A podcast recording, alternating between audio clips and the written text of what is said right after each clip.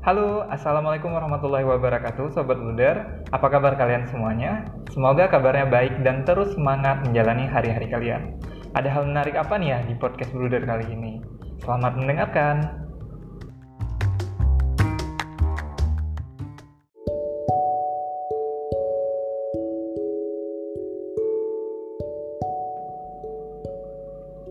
Bagi kalian yang suka karya kerajinan tangan yang terbuat dari rotan, aku ada informasi menarik ini. Kalian bisa kepoin Instagramnya @ratancutbang, R A T T A N C U T B A N K atau hubungi langsung ke nomor WA adminnya 0821 1355.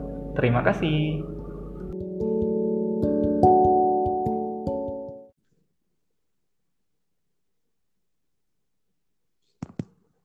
Oke. Halo, Halo, guten Tag aus Indonesien. guten Tag dan guten Morgen aus Deutschland. Wah, guten Morgen aus Deutschland ya. Di di Ya, sini eh, tepatnya di Banda Aceh kami masih siang ini. eh, jam Iya. jam li, jam tiga ya, jam tiga sore. Iya, jam 3 sore benar-benar. Eh, Oke, sobat Builder, sobat podcast ideal semua. Hari ini kita kedatangan tamu dari Jerman nih. Orang Indonesia yang tinggal di Jerman. iya, Tamunya yaitu Mas Muhammad Dafa Akbar Pramudia.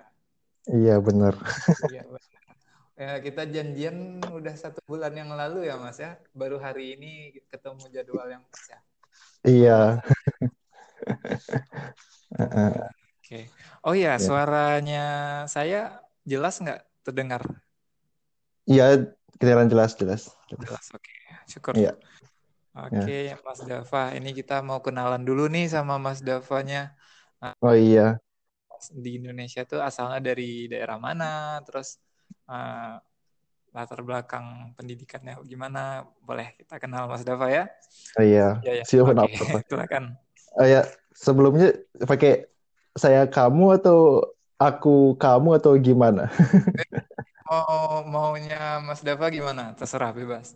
Oh ya udah, oke, pakai saya. Sebaya ya. Aku dua, aku kelahiran 95.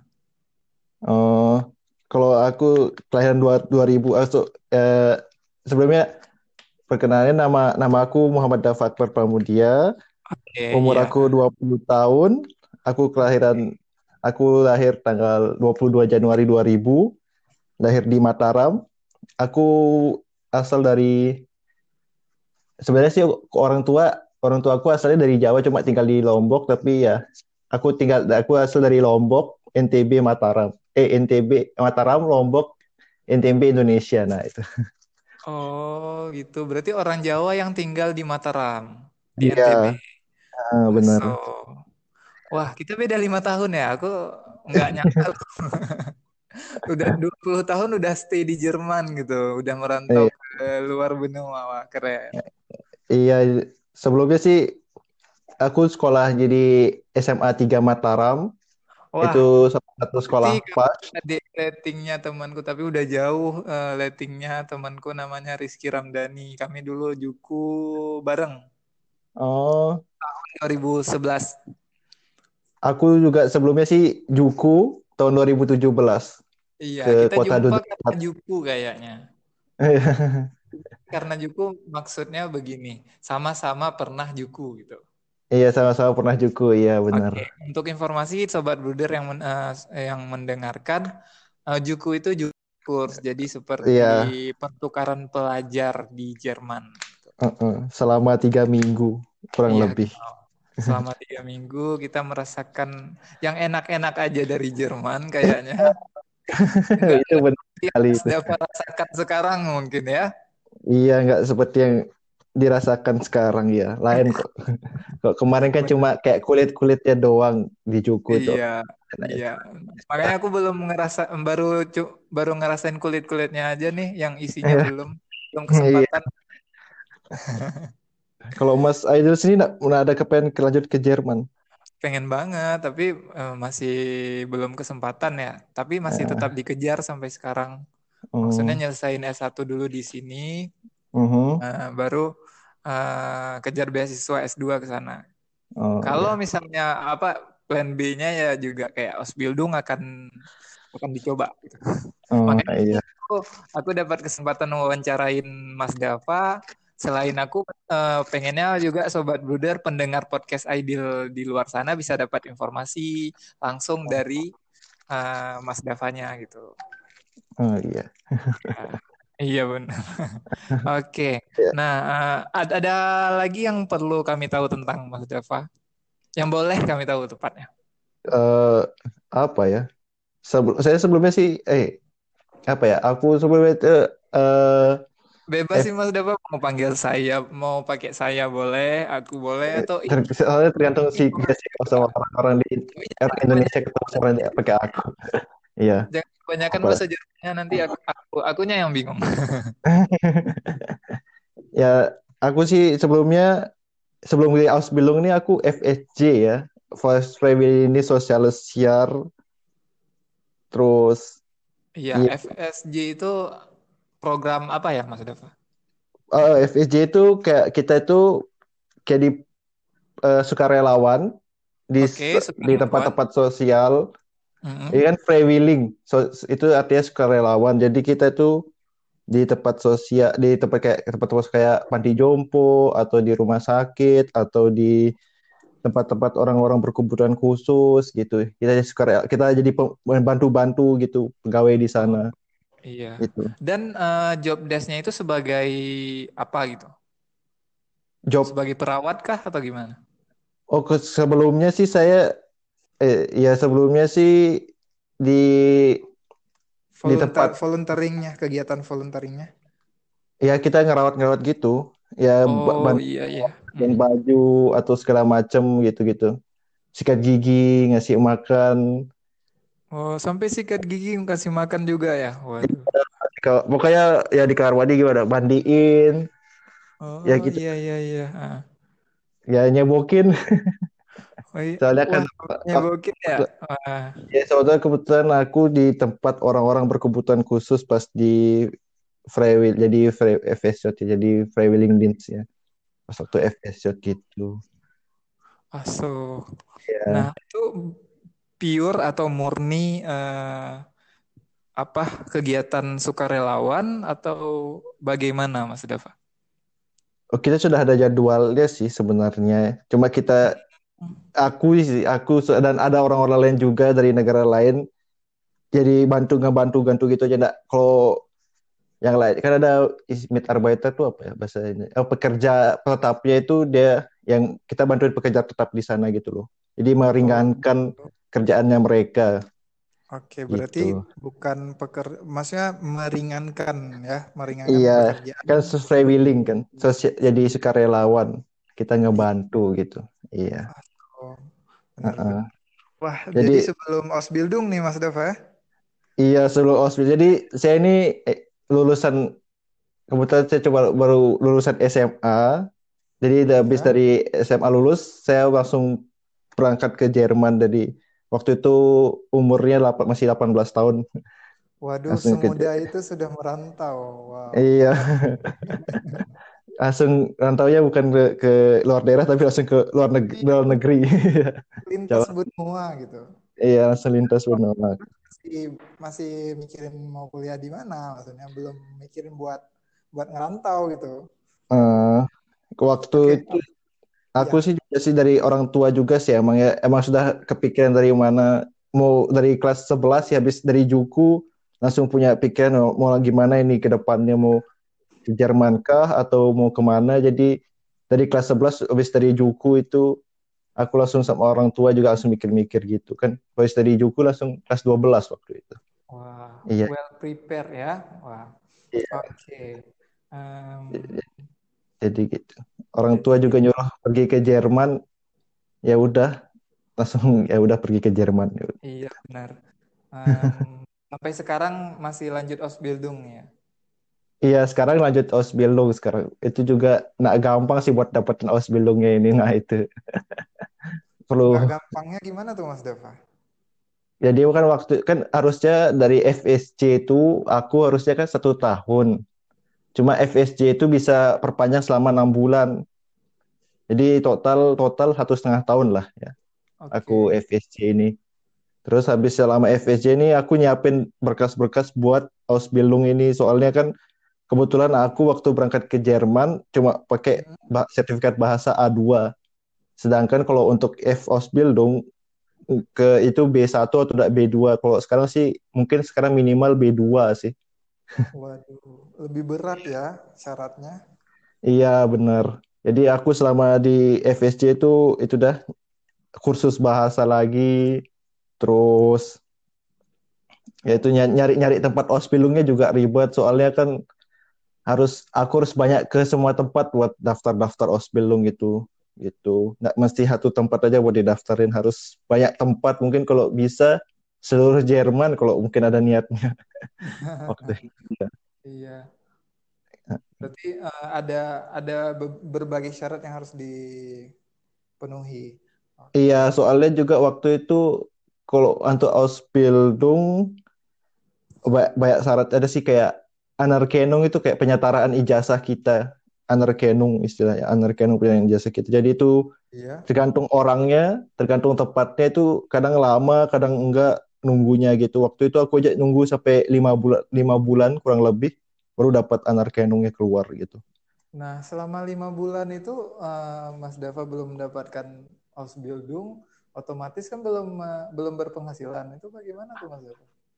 Oh, di Banyak selama banget. FSC sudah ada dapat gaji sih kita selama FSC itu. Oh, berarti ada saving sebelumnya gitu ya, Mas? Iya, heeh, heeh. Jadi FSJ itu ada dua modelnya, incoming sama sama yang di- in Deutschland. Jadi kita eh, incoming itu kayak dari penantang pendatang langsung ke dari luar dari luar Jerman langsung masuk ke ke Jerman sebagai Freiwilligs, jadi sebagai sukarelawan gitu.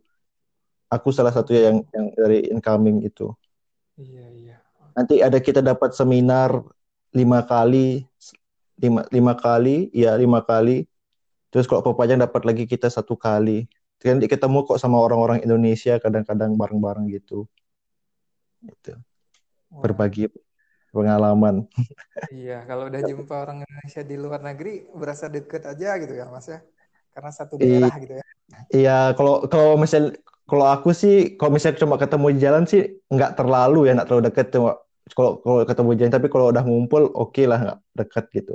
Oh, Cuma- iya, Misalnya kalau iya. ketemu papasan itu kan kurang kurang kalau aku sih kurang- aku orangnya juga agak tertutup ya, misalnya kayak nggak terlalu suka langsung hi gitu, nggak aku Iya, mikir-mikir. ada ada prosesnya gitu ya. Mas Dava Iya ada proses. orang yang ada prosesnya. Oke. Ya kan kita juga nggak tahu dia da- dari gimana backgroundnya dia gitu.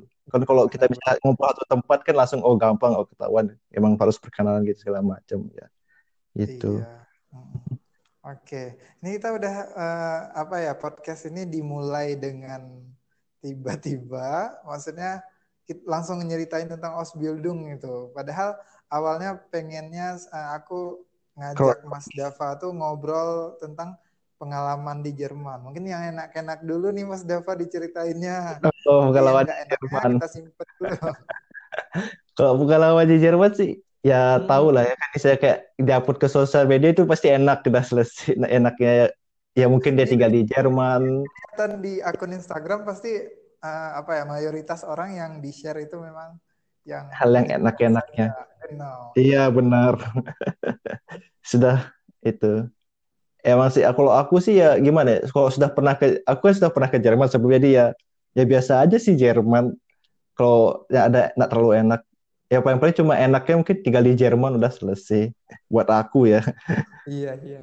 Kalau aku sih mungkin mungkin bilangnya apa ya? Kalau sebelum perga- yang paling enak nyampe di Jerman tuh pas pas di bandaranya tuh habis dari luar bandara tuh selesai dah dah, dah nada enaknya semua.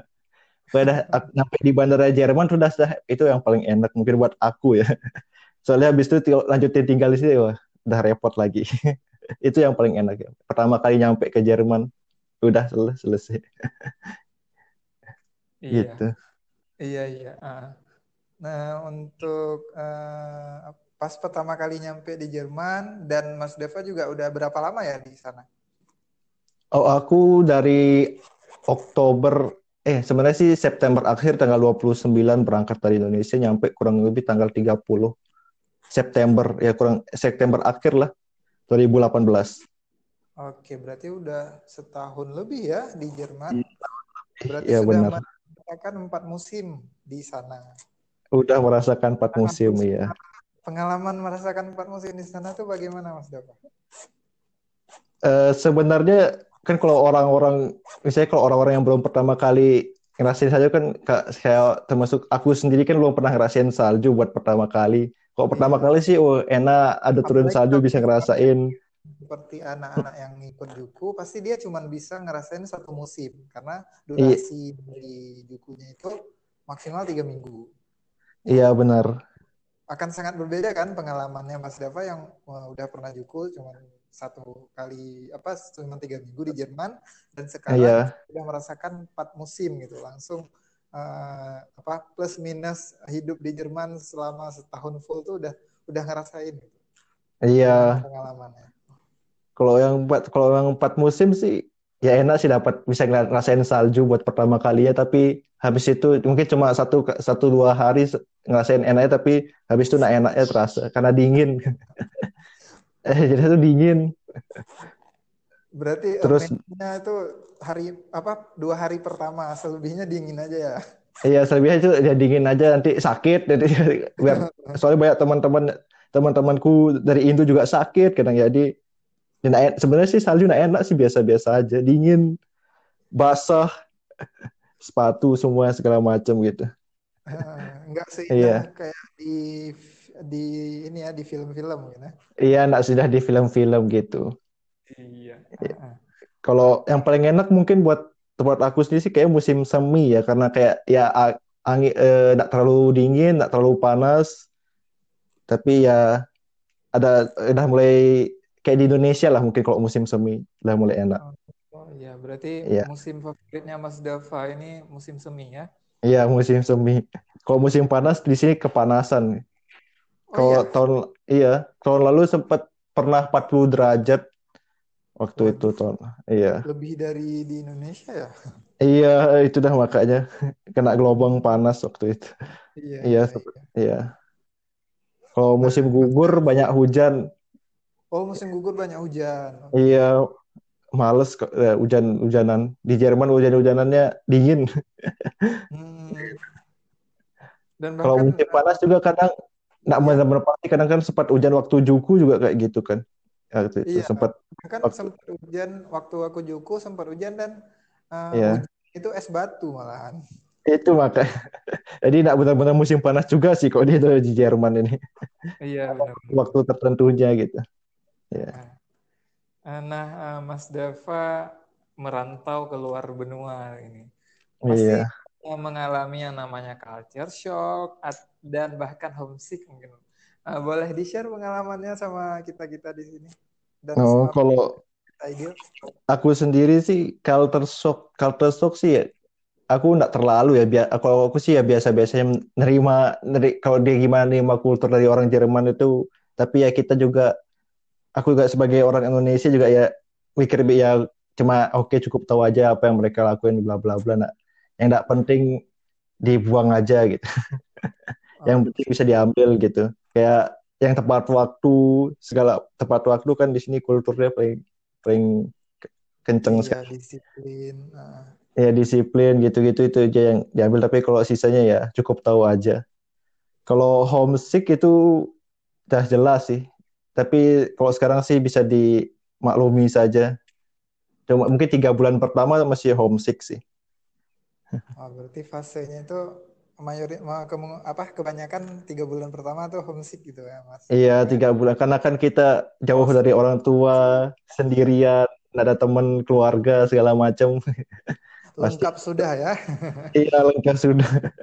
Sendirian gitu dah uang juga terbatas gitu kan iya benar benar benar uh, tapi selama di sana apakah ada komunitas uh, anak apa anak negeri di sana atau misalnya komunitas kayak komunitas pelajar kah atau komunitas anak Indonesia yang ngambil Ausbildung di Jerman kah? Maksudnya kayak Kalau, uh, lingkungan untuk uh, berbaur sesama orang Indonesia gitu Mas Dava? Kalau aku sih kayak kayaknya sih ada ya, tapi aku kurang tahu juga sih. Soalnya aku juga nak nak nak terjadi yang kita gitu kayak gitu kayak gituan gitu. Kayak komunitas kita aku nak, ter- nak terlalu tertarik. Soalnya aku juga orangnya agak susah terga- tergantung sikon kalau bergaul.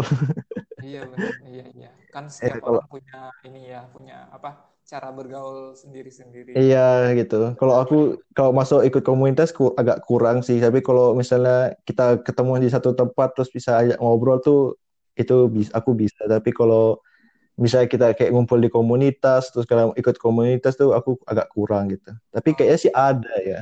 Aku iya. kurang tahu juga. Itu. Oke, nah, em, selama di Jerman udah ke mana aja nih Mas Dava? Aku orangnya nggak suka jalan-jalan kebetulan. Jalan. Eh, tahu apa kan kita nge-DM di Instagram tuh. Nah, Iya iya lihat eh, profilnya Mas Dava sama di apa di akun Instagramnya iya. apa foto-fotonya itu di Jerman gitu kan.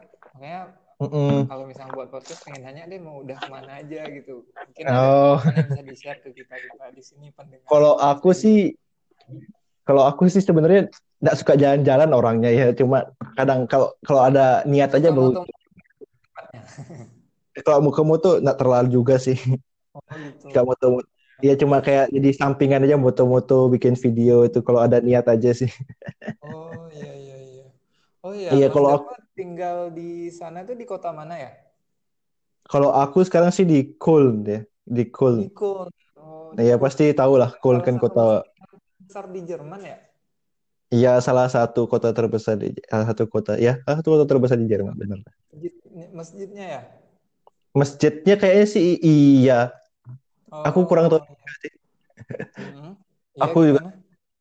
ya kalau aku sih jalan-jalan agak kurang ya. Paling-paling yang kalau ada yang di profil Instagramku itu itu cuma di dekat-dekat situ aja sebelum. Sebelumnya aku juga tinggal di Köln ya. Sebelumnya aku tinggal di di desa kecil namanya Iya. Bingenheim. Ya gitu. Mm-mm. Jadi di Bingenheim itu udah ada itu di Bingenheim itu lebih tepatnya di Hessen. Hessen itu salah satu negara bagian di Jerman ya, kalau yang belum Oke. tahu.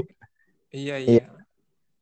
Jadi Hessen itu eh Bingenheim itu sekitar satu setengah jam dari Frankfurt. Jadi itu yang dekat-dekat situ aja Frankfurt, Wiesbaden, Wiesbaden juga kota di Hessen juga, Darmstadt gitu-gitu Oh, itu itu sebenarnya kota-kota dekat-dekat situ aja, nggak Oh, jauh-jauh. aku dulu jukunya di Hessen juga loh, di apa? Di Frankfurt itu, di Hessen. Eh, Eh, nama nama desanya Bodenroth. oh, oh Tapi iya. kalau ditanya di mana di mananya aku nggak tahu lagi sekarang. Aku coba nanti cek di Google Maps. Boden. Iya, Oh di, di Hessen ya dapatnya. iya, Kalau aku dapat eh, jukunya di Hessen. Kalau Mas Dava dulu di mana? aku juku di Duderstadt, Aso, Duderstadt. di Niedersachsen. Mm-mm, oke. Aku pengen ke sana juga sih ke Duderstadt biar nostalgia sebenarnya. Iya, karena itu kayak masa-masa apa ya? eh iya, kalau suatu saat ke Jerman pengen nostalgia lagi gitu kan. Gitu. Iya Iya, bener. Silakan sudah aku udah di Jerman. Ini mau kepengen ke sana lagi, cuma nggak ada waktu, nggak- nggak kesem- belum ada kesempatan ke sana lagi. Kalau untuk eh, kayak betroyer sama apa ya teman-teman yang sesama Juku dulu masih ini masih kontekan atau masih berkomunikasi gitu. Kok buat kalau aku sih agak jarang ya, tapi di grup grup Juku ada, cuma agak jarang kok kontak-kontak gitu agak. Beberapa ke beberapa baru sampai kontak, tapi kalau ke Betroyer agak jarang gitu. Oh iya iya. Ah, ah, ah. Oke. Eh, berarti oke kita lanjut Jadi lagi. Seben oh oke ya aku gimana Mas Dava? aku sebenarnya di Jawa udah ngerasain tinggal sesuai sebelum kan aku tinggal di desa di Bingenheim itu. Oh iya. Berarti udah pernah ngerasain Bing- tinggal di pedesaannya di Jerman sama di Oh kotanya iya di sudah ngerasain. Jerman. Oh Iya, iya. udah Kayak ngerasain. menarik deh Itu Dava bedanya. eh, berbagi ini. Bedanya itu apa? Ada di mana aja gitu. Oh, kalau di desa, kalau di desa itu- di Jerman itu, kok tinggal di desa tuh pasti rumahnya bagus-bagus karena kan lahannya luas. Terus mungkin nggak tahu harga tanahnya di sana agak murah, tapi pokoknya rumahnya eh, rumahnya tuh besar-besar, luas-luas, banyak mobilnya. Yang jelas di Jerman satu rumah tuh bisa punya tiga mobil. Waduh. Terus itu dah kok tinggal terus tapi di desa itu ya gandum kanan kiri gandum. Harus tapi eh, transportasi kendaraan umum agak susah kok di desa.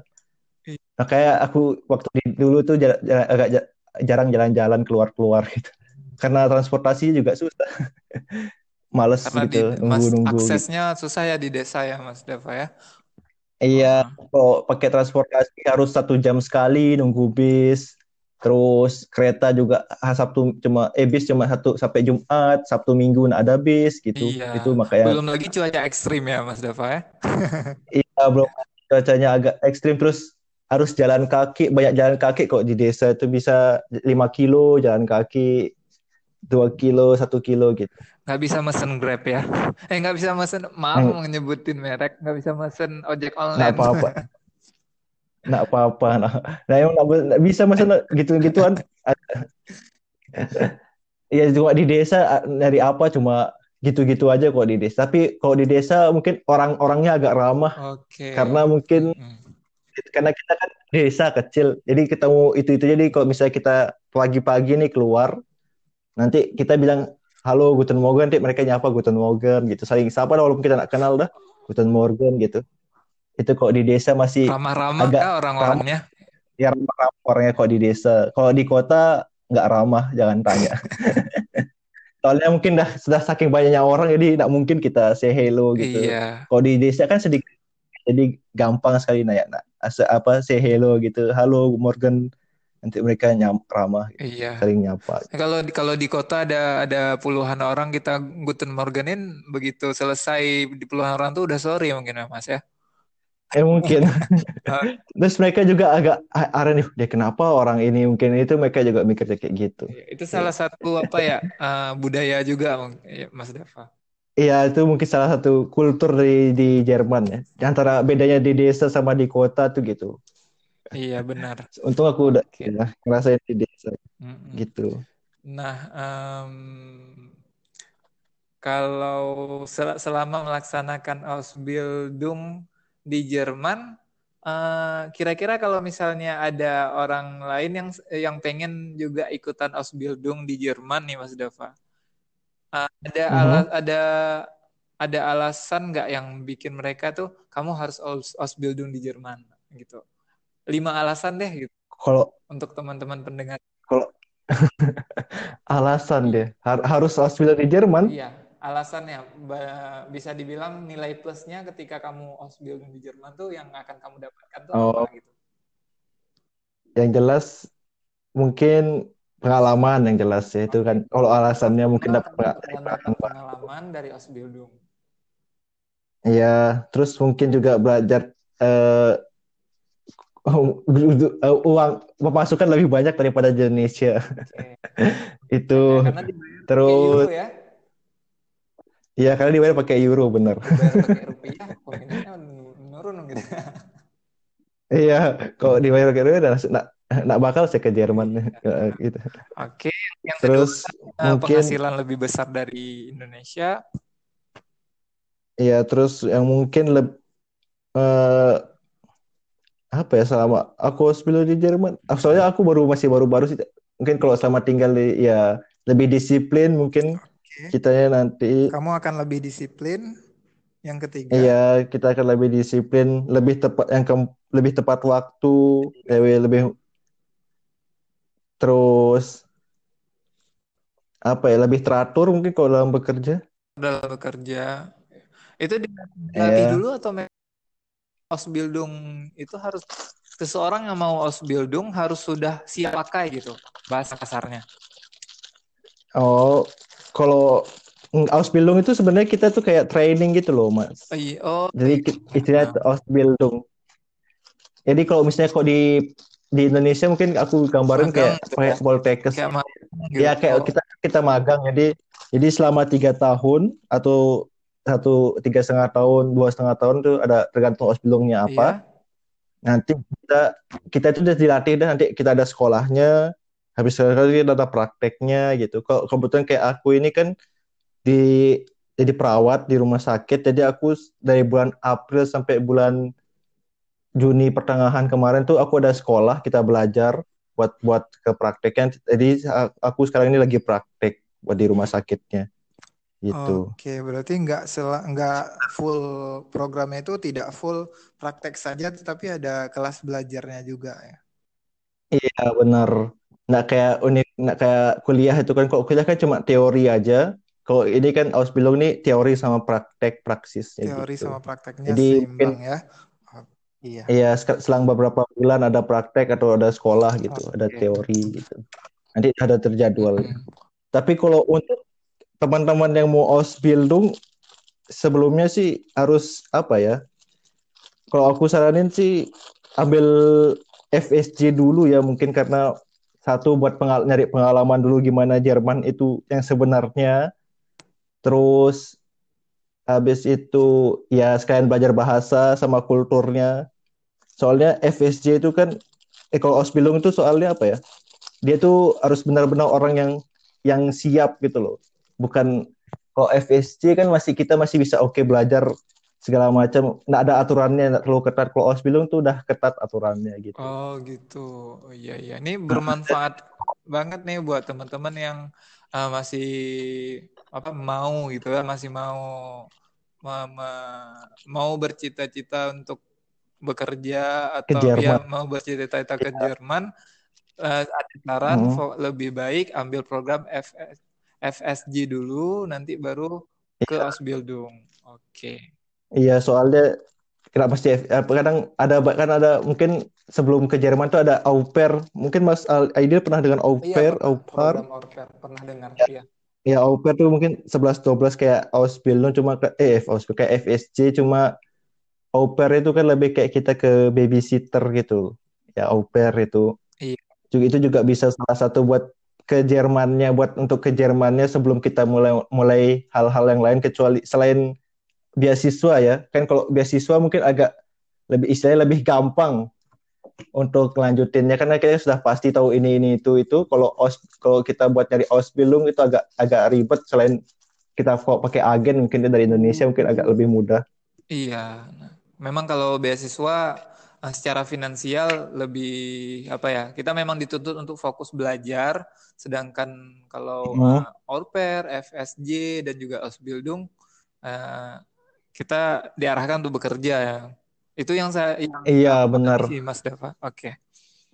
iya iya benar karena kan karena kan kita nggak pasti kalau au pair kan ya kita bekerja tapi sekarang kita belajar kulturnya mereka gimana itu sekarang kita mungkin secara tidak langsung kita kan memperbagus bahasa kita Iya gitu benar-benar. istilahnya gitu Memang sangat berbeda jadi kan kualitasnya belajar bahasa Jerman eh, di luar di Jer- dengan langsung di negaranya gitu ya. Iya benar-benar. Kita kan di selama di Indonesia ini cuma belajar teori gini gini gini gini tapi setelah kita di Jermannya langsung Mm-mm. nah itu nanti pem- pem- pe- pe- terlaksana itu beda pasti. Apa yang kita pelajari apa yang kita itu ini itu. Kadang orang Jermannya sendiri juga bilang kalau bahasa Jerman tuh susah gitu. jadi ya apa apa lagi?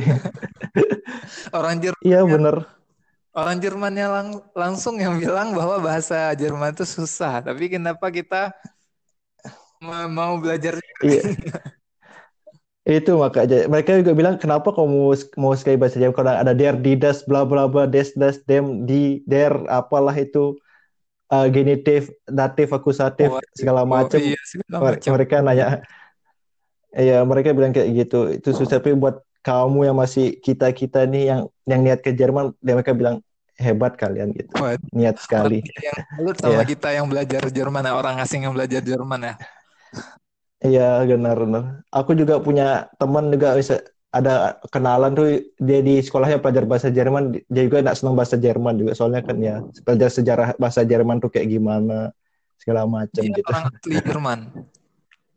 Iya orang Jerman asli tapi kan dia dia sekolah di Jer- orang Jerman dah sekolah di Jerman sekolah Jerman maksudnya. Aso. Aku punya kenalan gitu. Iya jadi dia cerita kalau di sekolahnya itu dia juga belajar bahasa Jerman cuma dia nggak senang bahasa Jerman gitu. Ya.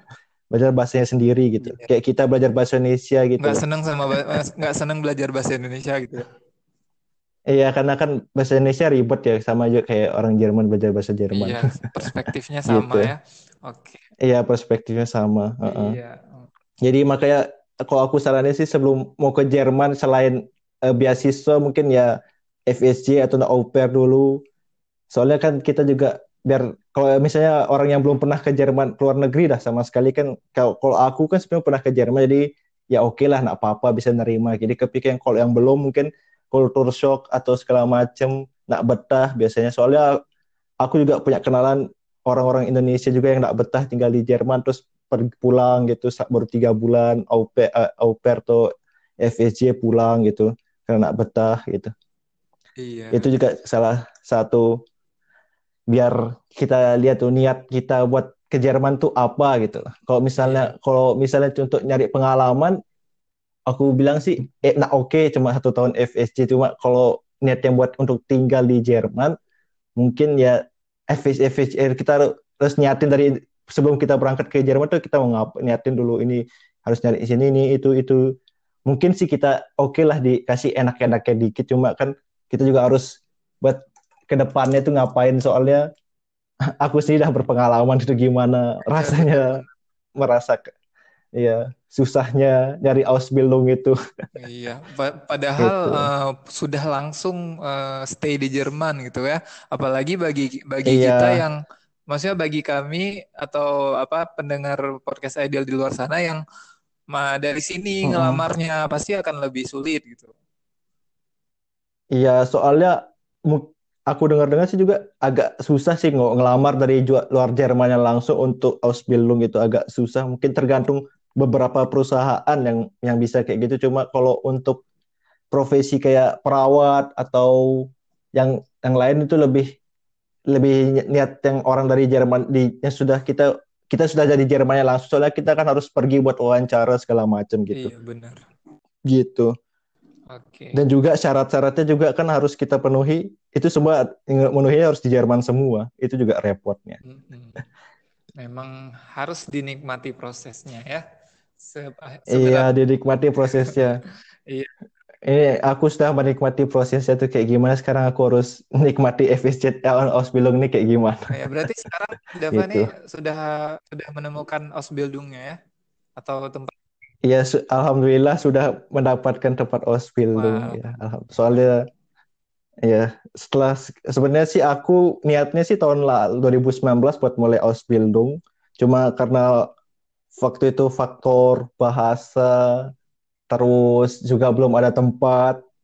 Buat itu jadi aku perpanjang enam bulan gitu. Soalnya emang aku niatnya untuk tetap di Jerman jadi kalau aku dibilang kalau ada kenalan itu ya pulang aja ke Indonesia. Cuma aku niat niatnya sudah di Jerman ya nak, aku nak mau cuma satu tahun gitu sia-sia gitu aja.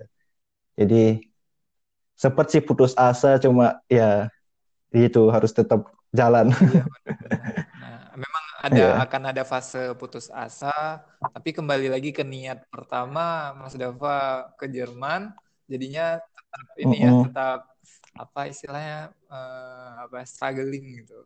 Struggle. Iya struggling. Ya sempat semangat gitu Tetap ya. semangat untuk uh, bertahan di Jerman.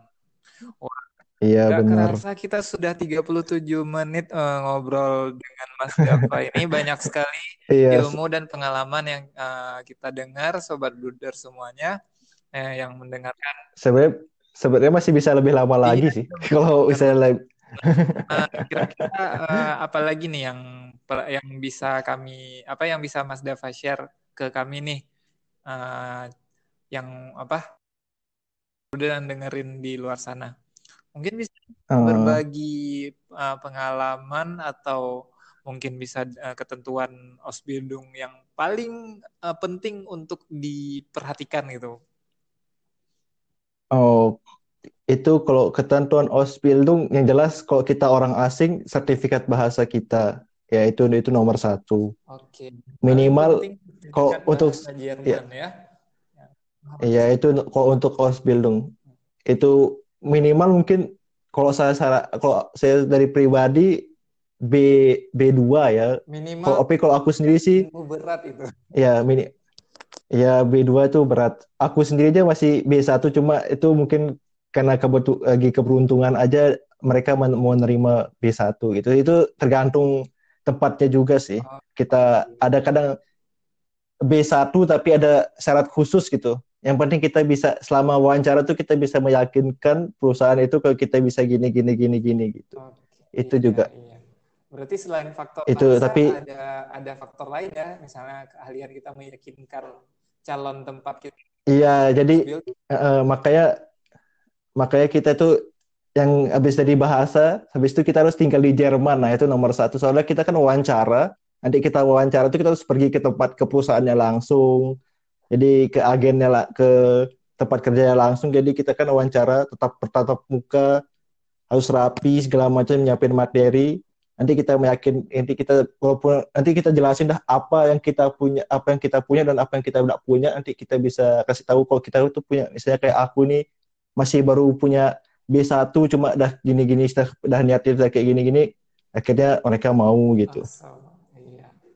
Nah, Iya. selain bahasa dan juga eh, meyakinkan calon buildingnya, kira-kira apa lagi nih Uh-uh. Mas Dava yang perlu dipersiapkan? Eh Anarkenung. Nah, itu itu Anarkenung itu lama soalnya. Tergantung tempat dan tergantung orangnya. Soalnya aku punya kenalan, dia tinggal di Hamburg cuma dua minggu.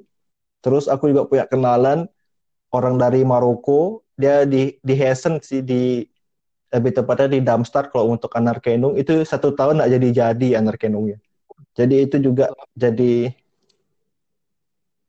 jadi syarat penting sih buat buat Ausbildung yang dari luar dari luar Jer- orang dari luar Jerman gitu. Oke, Anerkennung eh, Sobat Bruder itu adalah sertifikat penyetaraan ijazah ya Mas. Iya, benar. Jadi Jadi kita seperti, tuh eh, kalau di Indonesia mungkin seperti ini ya lembaga eh, profesi atau bagaimana? aku kurang tahu sih ya kayak gimana. Soalnya aku di Indonesia nggak- belum pernah nggak tahu gimana Anarkenung itu kayak gimana. itu kita punya ijazah, terus ijazah kita itu di, di Di, diterjemahkan dulu pakai ke bahasa Jerman. bahasa Jerman. Berarti Iya, benar. gitu ya. Eh, beda lagi nanti. Jadi pertama kita nyari jasa penerjemah di Jerman. Kadang tergantung tempatnya juga sih. Ada yang minta stempel asli dari Jerman atau enggak dari ada kok aku aku kalau nggak salah sih ada juga di Indonesia jasa penerjemah bahasa Jerman juga ada sih.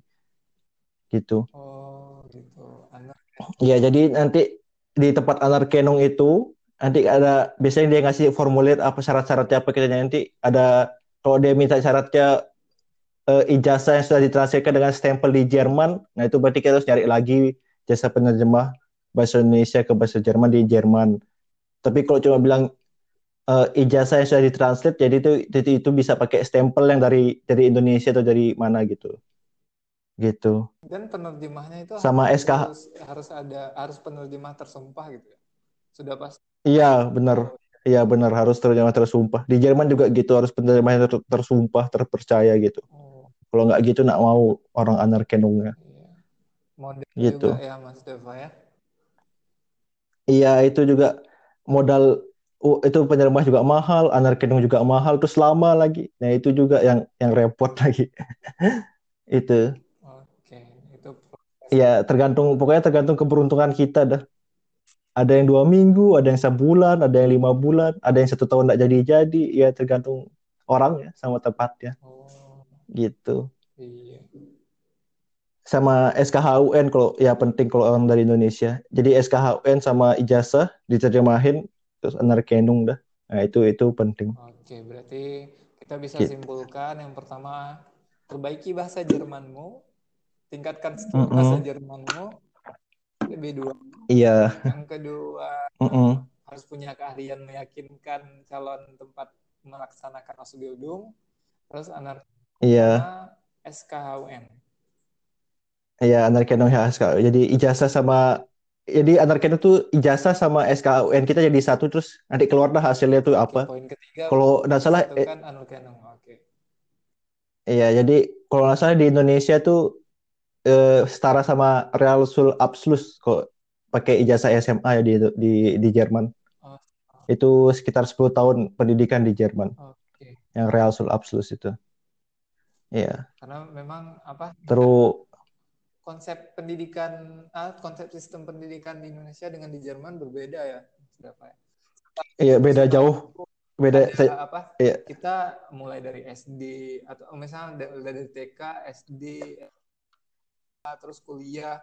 Sedangkan ya iya sejak SMA ya kalau nggak salah sudah bisa menentukan gitu mau ke mana arahnya.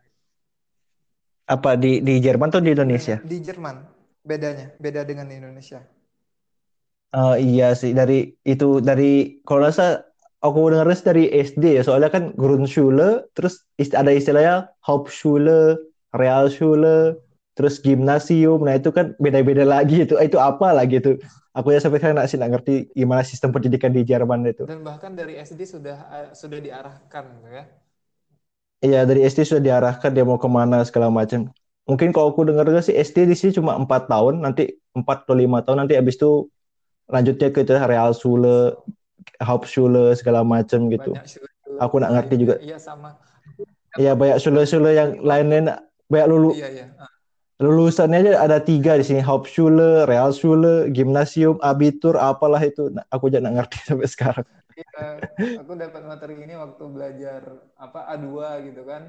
Eh, di awal Iya. tuh dijelaskan. Memang mate- eh, dalam penyampaian materi pembelajaran, tapi disisipkan eh, materinya itu tentang sistem pendidikan di Jerman. Terus kita bandingkan lah dengan Hmm, di Indonesia. Memang sangat menarik itu konsepnya.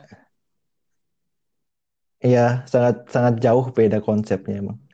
Sama kayak Ausbildung ini kayak nanti kita habis dari Ausbildung ini kita juga bisa ngelanjut kuliah sih sebenarnya. Oh iya, Mau kuliah kok Ausbildung kita iya punya kesempatan untuk kuliah. Wah, menarik. iya benar-benar. ke. Iya, jadi misalnya kan ada kayak misalnya Aus, orang-orang Jerman kadang bingung dia mau Ausbildung atau mau kuliah, jadi kadang mereka Ausbildung dulu, kerja tiga tahun atau segala macam, narik duit, nabung-nabung atau semacamnya. Habis itu mereka juga bisa lanjut kuliah. Jadi ada jalan yang bisa misalnya ini kalau di kalau anggapnya jalan ini ada yang lurus tuh kan langsung ke, ke universitas, tapi kalau ada yang belok dulu ke kanan, Ausbildung dulu, iya, terus iya. baru itu Ah. balik lagi ke ya kayak gitu dia modelnya. Hmm, Habis itu bisa lanjut kuliah gitu. iya. Mungkin kuliahnya juga tergantung kuliah ya apa yang kita mau juga sih sebenarnya. Nggak mesti itu. Dan kuliahan Kalau misal aku juga Nah, bisa, ya jurusannya itu unik-unik, unik-unik dalam artian eh, jurusannya itu spesifik, ilmu yang dipelajarinya itu gitu. Nama ya eh, eh, ilmunya spesifik-spesifik itu. Nggak bercabang gitu kayak di Indonesia. Iya, keahliannya itu maksimal, maksudnya detail gitu. Iya, Nah, kalau Mas Dava sendiri ini mau eh, melanjutkan studi lagi kan setelah Ausbildung atau bagaimana? aku sih rencananya ya lanjut kalau ada waktu studi ya mungkin. Aku juga masih lihat sikonnya dulu. Soalnya kan ya atau istilahnya juga bisa Weiterbildung atau eh, menspesialisasikan lagi apa itu per- jurusan perawatnya gitu gitu. Oh iya, Mungkin aku sih ya antara os studio lagi eh, studi lagi atau enggak Weiterbildung gitu dah. so Iya. Weiterbildung itu kayak habis Ausbildung ini nanti kita tuh menspesialisasikan lagi apa yang kita mau gitu loh. oh, Misalnya kan aku udah tiga tahun ini lulus perawat, iya, habis itu aku mau lanjut, misalnya mau khusus perawat bagian eh, darah, jadi aku uh, Weiterbildung bagian hematologi gitu. oh, Nanti aku so. belajarnya gitu. Dan Iya. waktunya juga Heeh. eh, boleh tiga tahun. Eh, buat Weiterbildung, iya satu sampai tergantung orangnya sih satu bisa satu tahun bisa ya dua satu setengah tahun tiga tahun gitu. Ya tergantung kita ya. Heeh. Oke. Iya. Kalau studium kan ya tahu Ma- Mas Aidil tahu sendiri kan mungkin kalau studi kayak itu kayak gimana. Kalau melanjutkan studi ya sistemnya seperti perkuliahan. Iya. heeh. Aku juga bisa ngambil eh, dari perawatnya aku bisa ambil studi kedokteran mungkin bisa juga atau per- studi perawatan bagian eh, bagian manajemennya juga bisa gitu. Dan eh, Tergantung aku itu eh, apa ya? Setara dengan S1 kah atau bagaimana, Mas? Kalau Ausbildung, mungkin Ausbildung ini kayak Ausbildung kita melanjutkan studi, itu gelar yang kita dapat itu bagaimana? kalau Ausbildung mungkin kayak apa ya D, D3 mungkin aku aku juga kurang tahu kalau tapi ya Iya, kayak pokoknya kayak Poltekkes tuh kayak gimana ya? Kayak aku, aku anggap sih kayak kayak Poltekkes gitu. seperti D3. ya kayak Poltekkes gitu dah. Itu dah model Ausbildung gitu. Jadi habis itu ngajutin studi lagi juga bisa. Iya. Terus juga Ausbildung ini nggak nggak ada batasan umurnya ya. Kadang ada yang masih 40 tahun masih ikut Ausbildung gitu. Ada juga. Mm. Jadi nggak ada batasan il- ilmunya selama mampu dan Ya, memungkinkan. selama mampu dan niat Dan ya memungkinkan ya benar. Wah, Heeh. udah banyak Jadi itu yang jadi ya itu enaknya juga di 18 Jerman. tahun, ya benar-benar Nah, yang mendapatkan pengalaman dari 18 tahun sudah merantau ke Jerman mengikuti berbagai program Ya, eh, magang istilah bahasa Indonesianya Eh, mm-mm. berarti akan rencananya akan terus stay di Jerman ini ya Nah, itu juga masalahnya. Soalnya kan di sini apa ya? Karena aku merhatikan kan dari sistem gajinya itu, jadi kan kalau kita di Jerman kan kita dapat gaji, pasti kan Iya. kita juga harus bayar asuransi. Hmm. Terus habis itu uang uang hari tua kita juga uang pensiun juga udah terbayarkan dari gaji itu. Terus uang pengangguran juga terbayarkan. Jadinya setelah aku pikir-pikir masa aku harus ya mungkin tetap tinggal di Jerman atau gimana nggak tahu lihat sikonnya juga lagi. Iya. Sebenarnya sih pengen sih balik lagi ke Indonesia ya ngumpul keluarga gitu pasti. mau Atau mungkin balik ke Indonesia cuma untuk liburan Tempat aja. apa pun di negeri orang pasti tempat ternyaman untuk pulang pasti negeri sendiri ya. Iya itu itu udah udah pasti itu itu wajib itu. Iya. Wah, Itu. Mas Dava kita hampir satu jam ngobrol-ngobrolnya ini. Eh, Iya. terima kasih banyak untuk eh, ilmu dan apa ya berbagi pengalamannya. Eh, Mm-mm. semoga Mas Dava sukses Osbildungnya. Ya amin amin. Mas Aidil juga Amin. ya. Aku sedang bimbing murid-muridku nih mau ikut lomba desain grafis dibuat Hmm, oleh pas pemberi beasiswa kita. ah, Oke ya.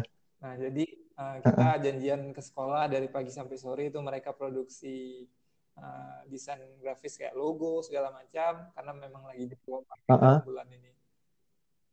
Oh. Kalau kalau boleh tahu dari sekolah mana ya Mas Oh Aidil? iya, aku dari SMK Aku Negeri 1 Banda Aceh. Jadi kami Fahosul oh sekolah kejuruan. ah soalnya mungkin aku waktu itu temanku juga ada di sana pas dari Iya, ya, pasti FS ke Tuku. Az, Az- Aziz siapa mungkin? Itu mungkin eh, Aziz siapa ya? Hmm, dari 2017 aku aku ingat sih ada temanku dari A- Banda Aceh SMK 1. SMK 1. Aziz Oh, iya SMK muridku 1. Mas eh, Mas Dava. Iya, kenal Eh, kenal kenal. A- Azi itu siapa Iya, mungkin nama lupa Nur, nama panggilannya. eh, apa? Nurazi Ariska. Ya it- ya itu udah itu. Heeh, Iya. bener. Itu temanku itu Oh, di Juku. oke berarti Heeh. adiknya Azi ya. Iya teman seangkatan dah. sama Azi. Wah. Iya. Mungkin salam sa- salam salam dari saya. Salam Ya. sama.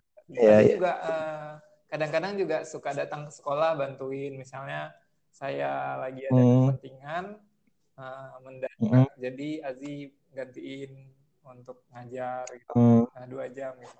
Oh, Mas Aidil jadi guru ya? Iya akhirnya aku jadi guru padahal eh, nggak pernah kebayang gitu. Kebayang bisa jadi guru sekarang gitu. Kalau dilihat waktu SMA kayaknya nggak ada harapan untuk jadi guru gitu kan. Nggak tahu ya ke mana eh, ini takdir membawa sih. Iya benar. Gimana? Oh, ya, kalau begitu apa nama tempat kemarin buat apa Mas Aidil Juku? Juku di Borden Road. Di Borden Road. Borden Road. Iya. Lagi Oh, di ini oh, ya di di Google Map ya. iya. Oh, aku tahu Borden Road ini. Dekat sama tempatku dulu pas di aku di Bingenham ya dekat-dekat dekat sekali. Oh iya iya iya. Jadi aku eh, di Aku Borden Road gitu. Pedesaan sih, iya memang pedesaan. iya pedesaan benar-benar. Jadi eh, Biasa ini kok di di Jerman itu Indonesia tuh sore-sore gitu kan jalan-jalan eh, apa metik cherry gitu. Cherrynya tumbuh liar gitu. Kalau nggak ada iya iya benar-benar. Heeh. pada ke- Emang pada kalau sampai sana memang di kampung gitu kan. iya Ya emang kalau di Jerman itu di di antara kota besar pasti ada ada aja desa desa-desanya gitu kayak misalnya di kan di Kol ini dekat sama Bon sekitar 40 menit nanti di selama sepanjang perjalanan pasti ada desa-desa kecil lah di antara Kol sama Bon itu. Hmm, iya iya iya iya. Iya. Jadi ada desa-desa kecil di antara uh, perkotaannya ya. Iya benar sudah model geografis ya kayak gitu mungkin enak ngerti iya, aku juga.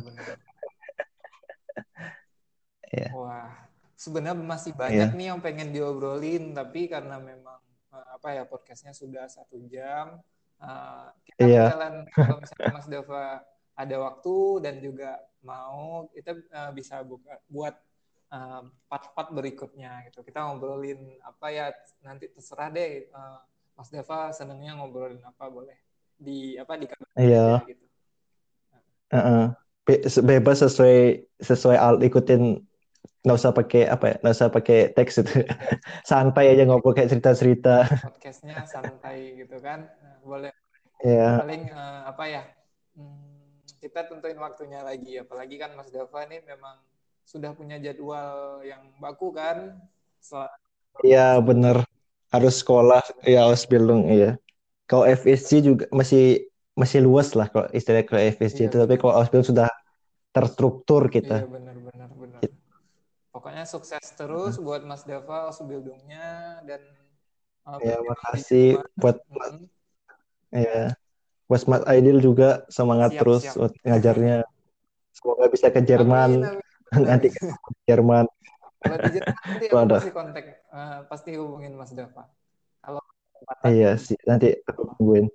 Iya. Oke, okay, vielen Dank. Ya. Bitte schön.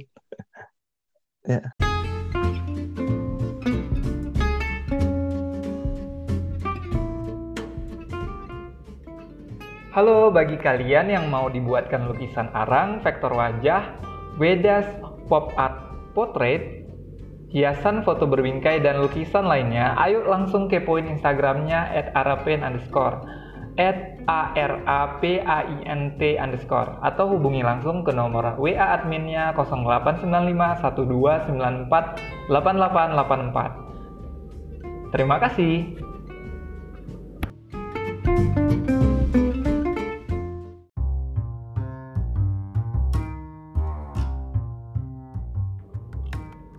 Oke Sobat Bruder, sekian dulu ya podcast Bruder kali ini. Tetap semangat menjalani hari-hari kalian. Sampai jumpa di podcast Bruder berikutnya. Wassalamualaikum warahmatullahi wabarakatuh.